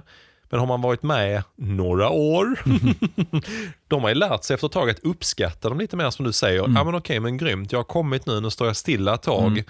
Det du egentligen gör, att det- ja, men lite grann, kopplar till hela vägen upp till elitnivå som David Nilsson nu. Mm. Vi sa innan här i början att han har sprungit två maraton på 2.10.09. Fan vad störigt. Mm. Eller, ja, eller så har han etablerat sig som en stabil 2.10-löpare. Mm. Det är ju fantastiskt. Mm. Vilket innebär att han, han kunde lika bra kraschat nu och sprungit på 2.16 Mm. och så har känt oj vad händer nu? Men nej, han har, ju, han har ju nått en platå nu Mm. och nu kommer han ta nästa steg upp och springa på 2.08 nästa gång. Ja, det handlar ju också mycket mentalt om att eh, känna att om du nu landar på den här nivån, så för mig så var det att det var under, nu sist så var det att det var under 38 på milen till Mm. exempel. Eh, där jag kände att ja, jag blir inte bättre, men jag har stabiliserat mig här runt, ja, under, eh, ja, men mellan 37 och 38 Mm. minuter. Eh, och kan göra det ganska enkelt, jag in, inom citationstecken. Eh, men det är aldrig Du enkelt. kan, men, men du kan göra det på Mm. en träning om någon tvingar dig till det. Ja, precis. Men det hände inte så mycket, under en period där så har det inte hänt så mycket. Eh, utan jag har landat där, men jag har stabiliserat mig på den nivån. Och det, det måste du ta emot på, på rätt sätt. Du måste tänka på, på att du har hamnat där eh, av en anledning att du behöver, du har kommit med den, det träningsupplägget du har haft, har du kommit dit. Sen måste du börja tänka om och börja liksom tweaka lite, kanske köra lite hårdare på vissa pass. Kanske ersätta något pass med något annat, kanske titta på hur du äter, hur du, Mm. om du ska ha någon alternativ träning och så vidare. Så det det är en tid för reflektion den här platån. Det tycker jag, men bra. Sån veckans uppmaning. Mm. Ja, men det är faktiskt reflektion, det är någonting vi pratar mycket om tycker jag löpande i podden. Mm. Och jag tänkte dra en liknelse med, eh, jag har en gummibandsliknelse som är eh, två olika gummibandsliknelser. Mm. Eftersom vi, vi är båda fans av eh, polariserad träning, alltså när det ska gå, när det ska vara hårt ska det vara hårt Mm. och när det ska vara lugnt ska det vara lugnt helt Mm. enkelt. Och sen så är det framförallt när det ska vara hårt, när vi säger att när det ska vara hårt ska det vara hårt, det innebär inte att man ska gå och kräkas varenda gång man tränar, men att man, man, man försöker undvika så att inte majoriteten av passen blir någonstans mellanmjölk, mitt emellan. Det finns vissa gånger det kan vara bra med mellanmjölkspass också, men det vi, vi joggar ofta ganska lugnt och sen så försöker vi trycka på lite extra när man ska trycka på. Mm. Och det brukar jag, eh, jag brukar nästan eh, dra en liknelse, det är nog inte jag som har gjort det, jag har inte myntat det, jag har hört det någon annanstans, jag kommer inte ihåg vem det var som sa det. Men det är som ett gummiband, alltså att när man är nybörjare då är gummibandet rätt så kort mellan båda ändarna. Mm. Så att du, liksom, ditt snabbaste fart och din långsammaste, de är liksom ändå fortfarande väldigt, väldigt nära varandra. Mm. Och så tycker man det är skitjobbigt. Ja, det är inte så konstigt, för man, behöver liksom dra ut det här gummibandet så långt det bara går. Så att för vår del till exempel, om vi springer 400 meters intervaller, då ligger vi kanske i tre minuters fart. När vi är ute och joggar återhämtning, då är det 5.30. Mm. Alltså det är två och en halv minut per kilometer skillnad mellan det snabbaste gummibandet och det långsammaste. Mm. Och det, den tycker jag är liksom viktig, även om man pratar om utveckling, att det är en del man lär sig utvecklingen. Samtidigt som man gör det, och man kommer till platåerna som du beskriver, då är det en del, då är det ett annat gummiband, ett parallellt gummiband, Mm. som dras ihop, där det handlar om din, din eh, prestation på bra dagar och dåliga dagar. Mm. Så att du blir, det, det är inte så att du kommer kunna ha en, som du beskriver här på din platå nu, 37-38 milen. Mm.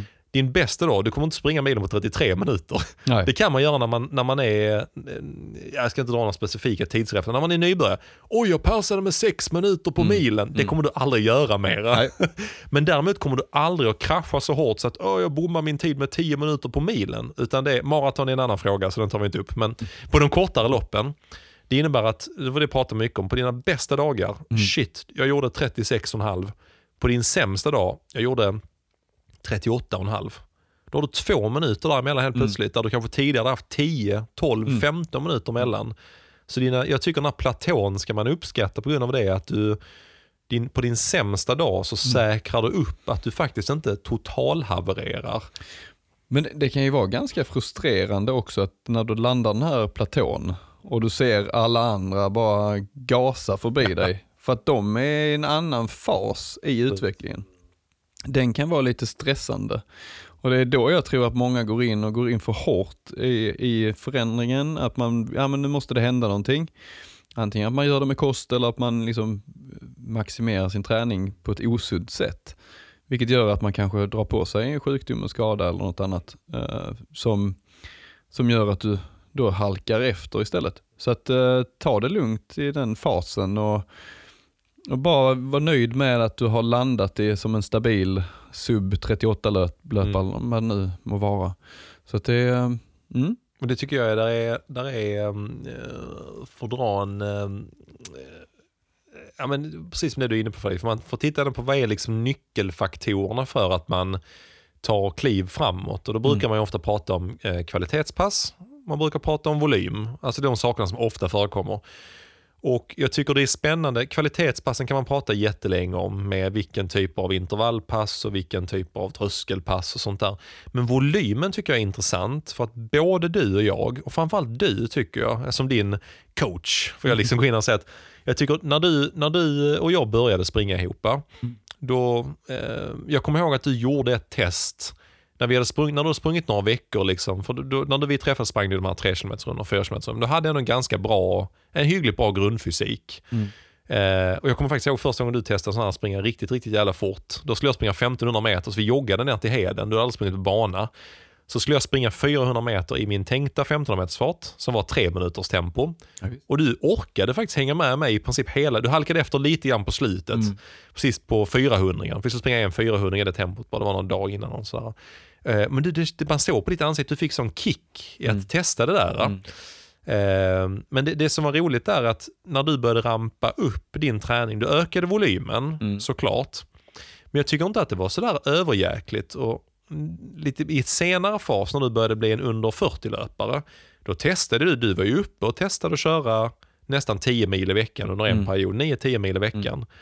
Men där vi faktiskt har under de värsta maratonperioderna var du uppe kanske på 12-13 mil några veckor.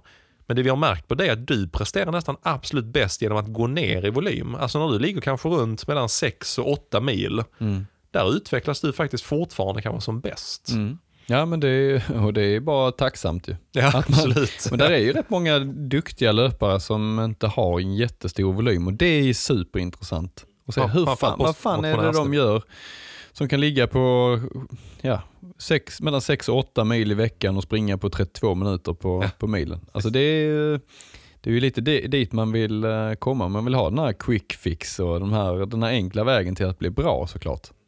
Ehm, och det är ju, i vissa fall så kan det vara genetiskt att, man, eh, att vissa har lättare för det än andra. Men, men det kanske, de kanske tränar på ett visst sätt och det, det är ju en del av utvecklingen också att titta på och testa olika saker. Mm. År för år att göra en liten förändring. Det gör du ju oftast inför varje säsong. Så tänker du, ja men nu gör vi, tweakar vi till det lite, vi kör de här passen och, och det är alltid kul. Då kan man gå tillbaka och titta på vad gjorde vi förra året? Eh, vad gjorde jag när jag hade coach och så vidare. Så kombinera ihop någonting och plocka ut det som är bra Mm. från varje, varje del så att man hittar sin grej. Ja, det, ja, det är klokt för det, det har jag faktiskt gjort de senaste fem åren. Så jag tittar tillbaka, för varje år jag tittat tittar tillbaka, inte bara på föregående år utan även då året innan, året innan. Så att nu när vi Mm. går in i nästa, det är därför jag inte är så orolig över min exempel fot nu, att jag är borta sex veckor. Utan jag känner att ja, men jag vet om hur den snurran ser ut och vilka pass och sådär. Jag tänker, för att bli lite sådär konkret också, så eh, jag hade en sån superutveckling. Det var ju framförallt när jag gick med i IS Göta framförallt Mm. också. Då. Men jag, jag hade tränat ner på egen hand ner till strax över, eller ja, strax under 40 på milen. Men då hade jag också konsumerat all löpare. Jag hade ju som sagt styrketränat under två års tid. Så att jag hade ändå bra grundfysik och bra grundträning och disciplin och sånt där. Men sen tog jag ett kliv från eh, ja, strax under 40 ner till 35 över ett år i princip. Och det var när jag började träna med, med Göta. Och den utvecklingen tycker jag handlar om, en del är ju faktiskt lite volym, att man behöver ju kanske komma upp och det, det ser olika ut på olika nivåer. Är, är du nybörjare och springer en gång i veckan på 5 km, ja men det kommer bli en jätteskillnad om du springer tre gånger i veckan, om du springer två mil eller något sånt. Det, Mm. det kommer liksom vara det oavsett. Vi hade fått någon fråga också kring att hur liksom kan man rampa upp sin träning, alltså vad det gäller antingen antalet pass eller Mm. liksom volym. Ofta hör de ju ihop med varandra. Ehm, och den, eh, den tycker jag är just för att inte, se till att man inte skadar sig själv också när man rampar upp de här. Där finns ju liksom riktlinjer, man tänker sig att eliten, de har ju 80% av sin träning ungefär som är distanspass, återhämtningsjogg, lugna joggar och sen har 20% som är kvalitet. För oss motionärer funkar det inte riktigt så för att vi, vill vi springa intervaller och backa eftersom vi inte kan, de flesta av oss i alla fall, kan inte springa 15 mil i veckan utan vi kanske ligger någonstans mellan att kunna springa två mil och åtta mil kanske. Det är liksom majoriteten av alla löparna. Eh, men man måste vara jäkligt försiktig med det här att inte springa så mycket intervallpass och kvalitetspass efter varandra. Alltså lite grann på de här platåerna som du beskriver också Fredrik, att där uppe gäller det också att ha den här, den här joggen, 30 minuters joggen, den ger någonting. Den ger din kropp återhämtning, den Mm. vänjer benen vid liksom volym, den vänjer med att vara ute. De är skitviktiga, för jag tror liksom att vi att prata specifika, så här, de här intervallpassen och de här tröskelpass. För det är många som efterfrågar det, hur blir du snabb på milen Mm. och sådär. Liksom. Och det, jag tänker att vi kan lägga lite sådana tips på vår Instagram. Mm. Men eh, specifikt för att bli snabb, jag, jag tror mycket handlar om att hitta den där mixen i din träning, alltså verkligen lyssna in din egen kropp Ja. för att hitta bra pass, som du säger innan. Det kan du hitta på Instagram, Mm. du kan hitta från folk, du kan läsa Salkais böcker, du kan, Mm. alltså, det finns tusen grejer att få inspiration till bra pass, men jag tror Mm. man måste ha en sundhet i att inte springa för mycket tufft på rad. Precis. Och jag tror också att man, eh, man måste känna av lite hur du kan bygga grunden för att klara den tuffa träningen. Alltså du, du måste börja i den änden att känna dig stark för att kunna anta de här tuffare passen. Att du, du ökar upp mängden lite med lugnare pass och känner hur reagerar kroppen på detta? Okej, jag, blir, jag blir starkare som löpare, jag, jag kör kanske något backpass.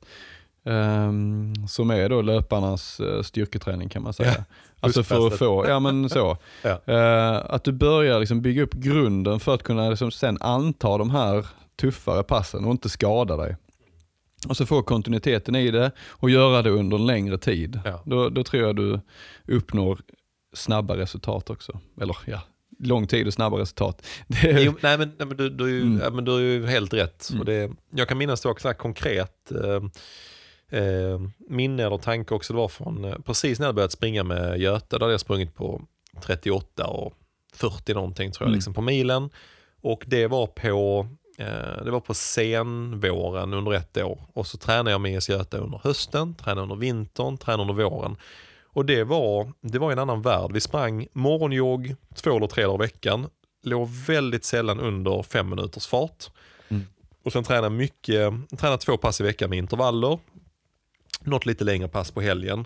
Och låg kanske runt åtta, ja, men åtta mil i veckan, typ 7-8 mil i veckan. Och jag kommer ihåg när vi kom till vårträningen så sprang jag en träningsmil på 38 och 10. Mm. Så när vi hade en sån 10 km tempo, jag kände så här, shit jag kan få klara under 38 minuter på milen när det är varvet milen liksom Mm. till våren.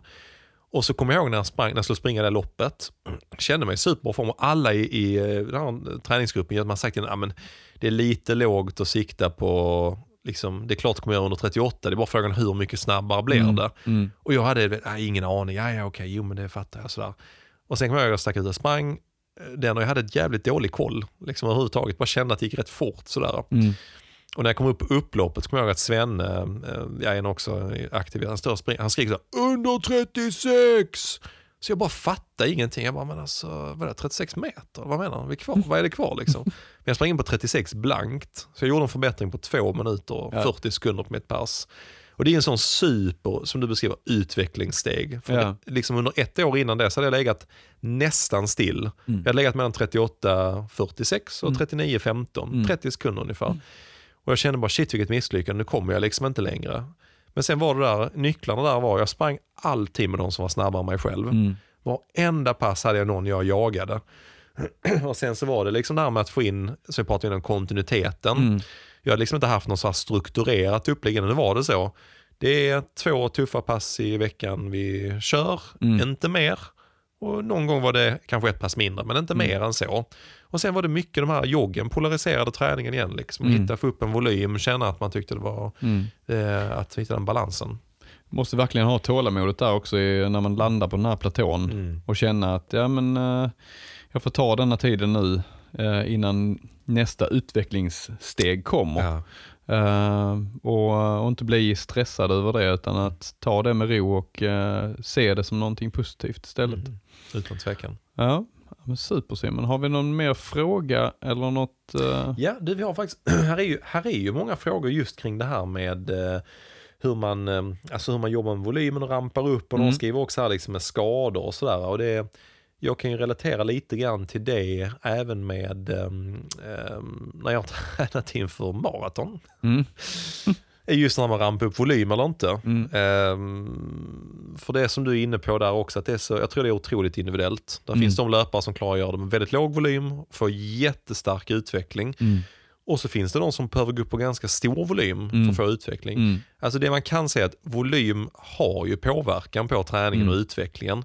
Men är ändå så fruktansvärt individuellt. Eh, och jag vet att när jag sprang mitt snabbaste maraton, det är många år sedan nu, det här börjar bli ett återkommande tema nu, känner att vi bygger upp det här mot att jag måste maratonsatsa nästa år.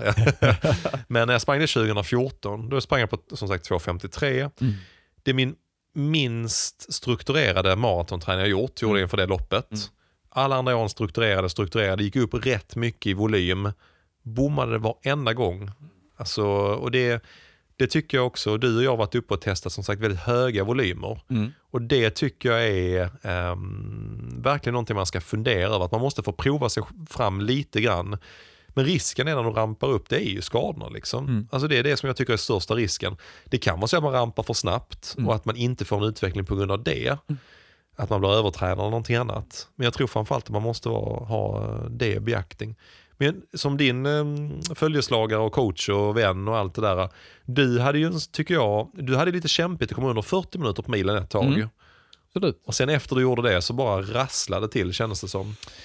Ja, och det, det tror jag mycket av det satt nog i huvudet mentalt. Att jag, att jag inte riktigt trodde på det själv. Eller att, Ja. att man tittar mycket på klockan när man var ute på, på någon tävling och tänkte att det här går nog lite fort. Eh, det här ska jag ju egentligen inte klara. Så att jag tror jag begränsar mig själv ganska mycket där. Eh, sen tror jag också att jag, ehm, så här i retrospekt så tror jag att jag skulle gett mig mer tid bara. Alltså mer lugn i ja men det kommer. Eh, att man tänker att jag, jag, jag måste landa i det, det jag har investerat i nu och jag måste bara ta det med ro så kommer det. Och sen att eh, jag skulle kanske tävlat mer för att liksom känna på hur det känns att tävla och eh, jobba med de hjärnspökena som kan infinna sig på tävling. Det jag tycker är kul med din, om man tittar på din mil, det var att du hade lite, lite bekymmer med att under 40. Mm. Och sen när du väl gjorde, det var Malmöloppet tror jag, Mm. gjorde du först på. ja. 39, 24 kanske? Var det 39, 14, 39, 24? Någonstans där. Någonstans där, ja precis ja. Nej, men det roliga var att jag vet att om det var typ veckan efter det så bara sa du, jag ska göra 37-30. Mm. Alltså du, du tog ett sånt hopp Mm. direkt i, ja, men att du vågade lita på din egen Mm. eh, liksom, eh, förmåga. Mm. Det målet satte jag faktiskt innan Hamburg Marathon. Ja. Också, så jag var mitt uppe i maratonträningen. Men det, för- för mig så funkar det bäst att stretcha målen ganska mycket och alltid ha något att se fram emot. Ja. Så då visste jag att jag åker iväg till Hamburg. Jag satt precis dagarna innan satte jag upp 37.30, jag la ut det på Instagram. 37.30. Och, eh, och kände liksom att när jag kommer springa det här maratonet så kommer jag vara sjukt trött på löpning förmodligen efter. hade jag väntat med att sätta det målet till efter så hade jag varit jättedefensiv. Men eh, nu var jag mitt uppe i, eh, liksom, jag var formtoppad inför maratonet, jag kände liksom att jag, allting har stämt med träningen och så vidare. Så kände jag att nej, det är nu jag ska sätta det här målet. Och jag ska stretcha det förbi de här gränserna som har varit hjärnspöken innan. Mm. Så att då tog jag i lite i målsättningen och kände liksom, ah, men eh, 37-30 låter bra, det kör vi på. Det är en bra siffra. Men det tänker jag också med, med, för mig är också utveckling, för när man pratar om det här med nybörjare kontra utveckling och jag kan dra, dra liksom en referens till mitt eget år nu som har varit, även sagt struligt och sådär. Där jag kände att mest troligt kommer jag inte persa på någon distans i år. Men så just så kommer vi ändå närmare oss den här jäkla halvmaran nu. Nu var jag 15 sekunder över, men jag tycker Mm. att det var ändå i, eh, i området av pers i alla fall. Mm. Och där är, tycker jag, där är två delar som är, tycker jag, stark utveckling. Det ena är att jag visste exakt hur jag behövde lägga upp träningen Mm. för att komma till mitt pers utifrån att ha tittat tillbaka på andra år som jag har legat nära eller persat eller legat över. För nu var det ändå ett tag sedan jag persade på halvmaran. Mm. Det, det, alltså det facit, det kan du inte få genom någonting annat än att bara springa under flera år. Du, kan- du kan inte få det helt på något annat sätt och Nej. veta hur du funkar och vilka pass som funkar för dig. Och det, det tror jag bara man måste acceptera. För Mm. det, det tror jag också en del är som vi, som du och jag som hittar löpning på äldre dagar. Men som inte har sprungit eh, liksom i, vi, när vi var barn eller Mm. unga på det Mm. sättet. att vi då kan man bli lite stressad tycker jag. Ah, shit, hur många bra år till har jag där jag kan springa snabbare och snabbare och snabbare. Men det är sanningen är med löpning, det är fantastiskt. Men det kan man över ganska många år faktiskt. Jag såg att det var en 60-åring, en eh, gubbe som hade sprungit på 2 2.30.06 eller något sånt nu. Det är, ja, men det är sjukt kul att se det. Liksom. Man bara tänker, åh jäklar jag har mycket framför mig. Ja, det, här, så- ja, ja, men det är det fantastiskt. Ja. Man, man, man drömmer om och det här att vara typ 70 bast och springa 800 meter med Ja, spikskor. men Det är, precis. som, det är drömmen. Ja, Jag tänker liksom att det, det är den ena delen av utvecklingen. Att Mm. Du kan bara få det, din facit för din egen kropp och Mm. vad du själv funkar genom att springa över flera år mycket. Mm. Men den, och den andra delen tänker jag mycket, det handlar om hur man hanterar, nu låter det här tufft, det handlar om hur man hanterar smärta Mm. och träning i en obekväm zon under en längre tid. Mm. När du är nybörjare, när du är i början, alltså du, du, du vet inte hur din kropp reagerar. Nej. Du kraschar mycket oftare för att du har inte, du har inte sprungit tillräckligt mycket i en obekväm zon under längre tid. Det är för mig en stor del av utvecklingen. Och minns jag när jag 5000 meters träning, jag läste någon bok om, Mm. om 5000 meters träning och sådär. Och då var det just det, eh, för man- 5000 meters träning, för mig, ah, det, det, är fan bara fart liksom. Sen läste jag på och så bara, nej men typ, jag tror det var vid 800 meter, Mm. där är det 50% fart och 50% uthållighet. Och jag bara, nej men fan det kan inte vara uthållighet på 800 meter. Sen inser jag bara, jo det är det. Och jag tror på 5000 meter, då är man uppe på att det är så här, du vet 80% uthållighet Mm. och 20% fart. Mm. För att du måste, ja det är obekvämt från nästan första tusingen. Men det handlar ändå om att bygga, alltså du ska klara det under, i mitt fall då, 16 minuter. Mm. Ska du orka vara mentalt och fysiskt i en zon där du Ja. inte vill vara. Nej, och det, det är ju en träning i sig, att, att lära sig att hantera Exakt. de tankarna och lära sig eh, fullfölja den typen av, av eh, lopp även när det känns extremt jobbigt. Mm. Och det är ju det är klart att det är ju någonting som är väldigt ovant i början. S- och det, det kommer jag också ihåg att Fan ska det vara så här tufft? Hur, hur känner andra det? Alltså hur, hur jobbigt är det för andra? Eller är det jag som pressar mig mest av alla? Ja. Men det har jag ju förstått att det är, liksom, det är lika tufft och jobbigt för alla Det egentligen. är, Så- jobb, det är Ja. skitjobbig insikt. Ja. Men där också, vi har ju tränat mycket av de passen, inte minst inför halvmara och mara detta året tycker jag. Men där vi har kört eh, ett konkret pass som jag tycker funkar skitbra både för maraton och för halvmaraton. Vi har kört en timme, liksom mer i trö- tröskelfart och jämför man ju ofta med att vad är ens tröskelfart och man kan pulsbasera och sånt där. Men ofta är det så här, det är så länge du orkar springa i en timme, ungefär i ett visst tempo. Då är det liksom din tröskelfart om man tänker till halvmara eller Mm. mara. Liksom så här. Och det är, det är ett snorbra pass tycker jag när man är, ja men kanske är på de tiderna som vi är och även en bit eh, ner och en bit upp. Mm. Alltså springa en timme, där första halvtimmen är rätt okej. Mm. Och andra halvtimmen är inte så jävla rolig. Men just de här längre blocken, Mm. för det vet jag även med, när jag tränar inför 5000 meter, att de långa, jag, hade no, jag hade flera sådana pass. 15 km tempo var ett pass jag älskade att köra. Mm. Lite lätt progressivt och för min del så landade jag kanske på 3.55 fart och jag vet om att min, min halv, det var ungefär när min halvmarafart var, att jag klarade springa det upp till 10-15 kilometer strax över det tempot. Det var fruktansvärt jobbigt. Mm. Men även om man sprang på bana sen 5000 meter, så någonstans så helt plötsligt så vände man tankarna. Oh, det är bara 10 minuter kvar. ja, precis. När man har sprungit de här 60 minuters passen att det är väldigt mer intensiv smärta men Ja. det är ändå inte så jävligt och det tycker jag är, för mig är det också en utveckling som man ofta inte, det, det är svårt att mäta det i tid och distans. Ja, visst. Det, är- det är mer en känsla av att ens kropp och, och hjärna klarar av den här äh, smärtan på ett Mm. annat sätt. Liksom. Mm. Ja, coolt. Eh, jag skulle säga så här Simon, om Ja. vi, vi kan väl uppmana alla, det kommer ju säkert massa frågor kring det vi har pratat om nu. Ja. eh, som, man, som vi kanske inte riktigt har besvarat. Ja. Att uh, skjuta in dem till oss på Instagram. Ja, men Eh, jättegärna. så svarar vi supergärna på dem där. Helt klart. Helt klart. Ehm, för vi kan ju sitta här och prata hela natten om detta känns det som. Utveckling. det för det är vi. någonting vi hela tiden vill ha. Ja, och det, är ju, det här är ju, nu är det liksom ett, en del av temat för detta avsnittet, men utveckling kommer vi ju lite grann också prata om löpandes, över Mm. hela, löpandes, över hela podden. men nu ska vi ha en uh, lucköppning. Alltså på tal om utveckling, Vi kör den.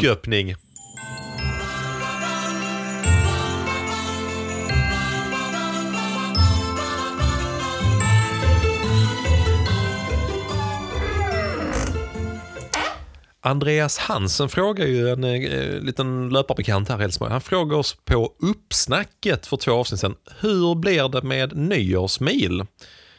Och det kan vi ju inte riktigt göra på samma sätt i år. Nej, vi brukar vara en 50 pers Mm. som springer. Men det blir ju inte jättebra utifrån eh, hur det ser ut i vårt samhälle. Men då tänkte jag och Fredrik till och tänkte fan vi, vi vill ju, dels så brukar vi, det är lite nyårstradition för oss att springa en, en, eh, en runda på förmiddagen. Snabbt eller jättesnabbt, beroende på känslan. Man får lov att lunka också. Eh, och då sa vi, satan, vi kan inte bara släppa det här. För att jag tror även i de här tiderna med corona och allting så vill vi, ja men folk behöver samlas kring någonting positivt. Och löpning och hälsa och rörelse är en sån. Men om vi inte kan samla alla fysiskt på ett och samma ställe så gör vi någonting annat kul istället. Och vad är det? Det är fan inte mindre än detta. Vi kommer ha eh, två roliga grejer. Det ena är, vi kommer ha en, eh, en livesändning av podden via Facebook på eh, nyårsafton på förmiddagen. Där den kommer vara sänd från en lådcykel. Eh, jag kan, vi hade tänkt köra löpandes men jag kan inte springa. Så jag kommer sitta i lådcykeln och Fredrik kommer springa. Så kommer vi ha en livesänd podd. Vem, vem ska cykla då? Eh, ja, bicepsbjörn kanske. vi får hitta Är det någon. någon som vill cykla så kan de ju skriva in. Det kan de göra du, så får de jättegärna cykla. För då håller vi ändå avstånd till varandra, vi kan ha spelen. Så vi kommer ha en livesändning av podden på förmiddagen, eh, där man kan vara med, joina in från alla ställen runt om i hela världen. Alla våra tyska fans kan vara med också och ställa frågor och, och under tiden. Eh, precis, under tiden som vi livesänder podden på nyår. Och sen kommer vi också skapa ett virtuellt eh, event kopplat till detta. Eh, där vi vill gärna att alla är med, lägg upp, eh, spring en runda på nyår, gå ut och gå en snabb promenad eller spring hela vägen in i kaklet. Lägg upp bilder från er, er runda upp i eventet så vi känner att vi allihopa kan samlas kring detta i de här tiderna och känna någon framåtanda för 2021. Fasen vad kul. Så vi kommer, vi kommer släppa en Facebook-sida. Det kommer vi kanske göra ganska snart med det här Det eventet då. Mm. Förhoppningsvis är den, du när vi säger så här, den är redan ute när man lyssnar på detta. Ja, det är det ju såklart. Ja, Ja, vi pratar i framtiden. ja precis. Det är otroligt. Eh, fantastiskt. Ja, men det här blev skitkul Simon. Och, eh, Mm.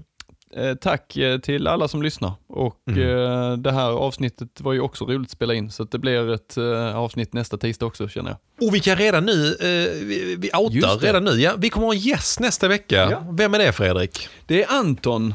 Ja, Det är det. The Anton. Är Anton. The Anton Lindberg. Ja, Lindberg heter han, jag försökte komma på vad han heter i efternamn.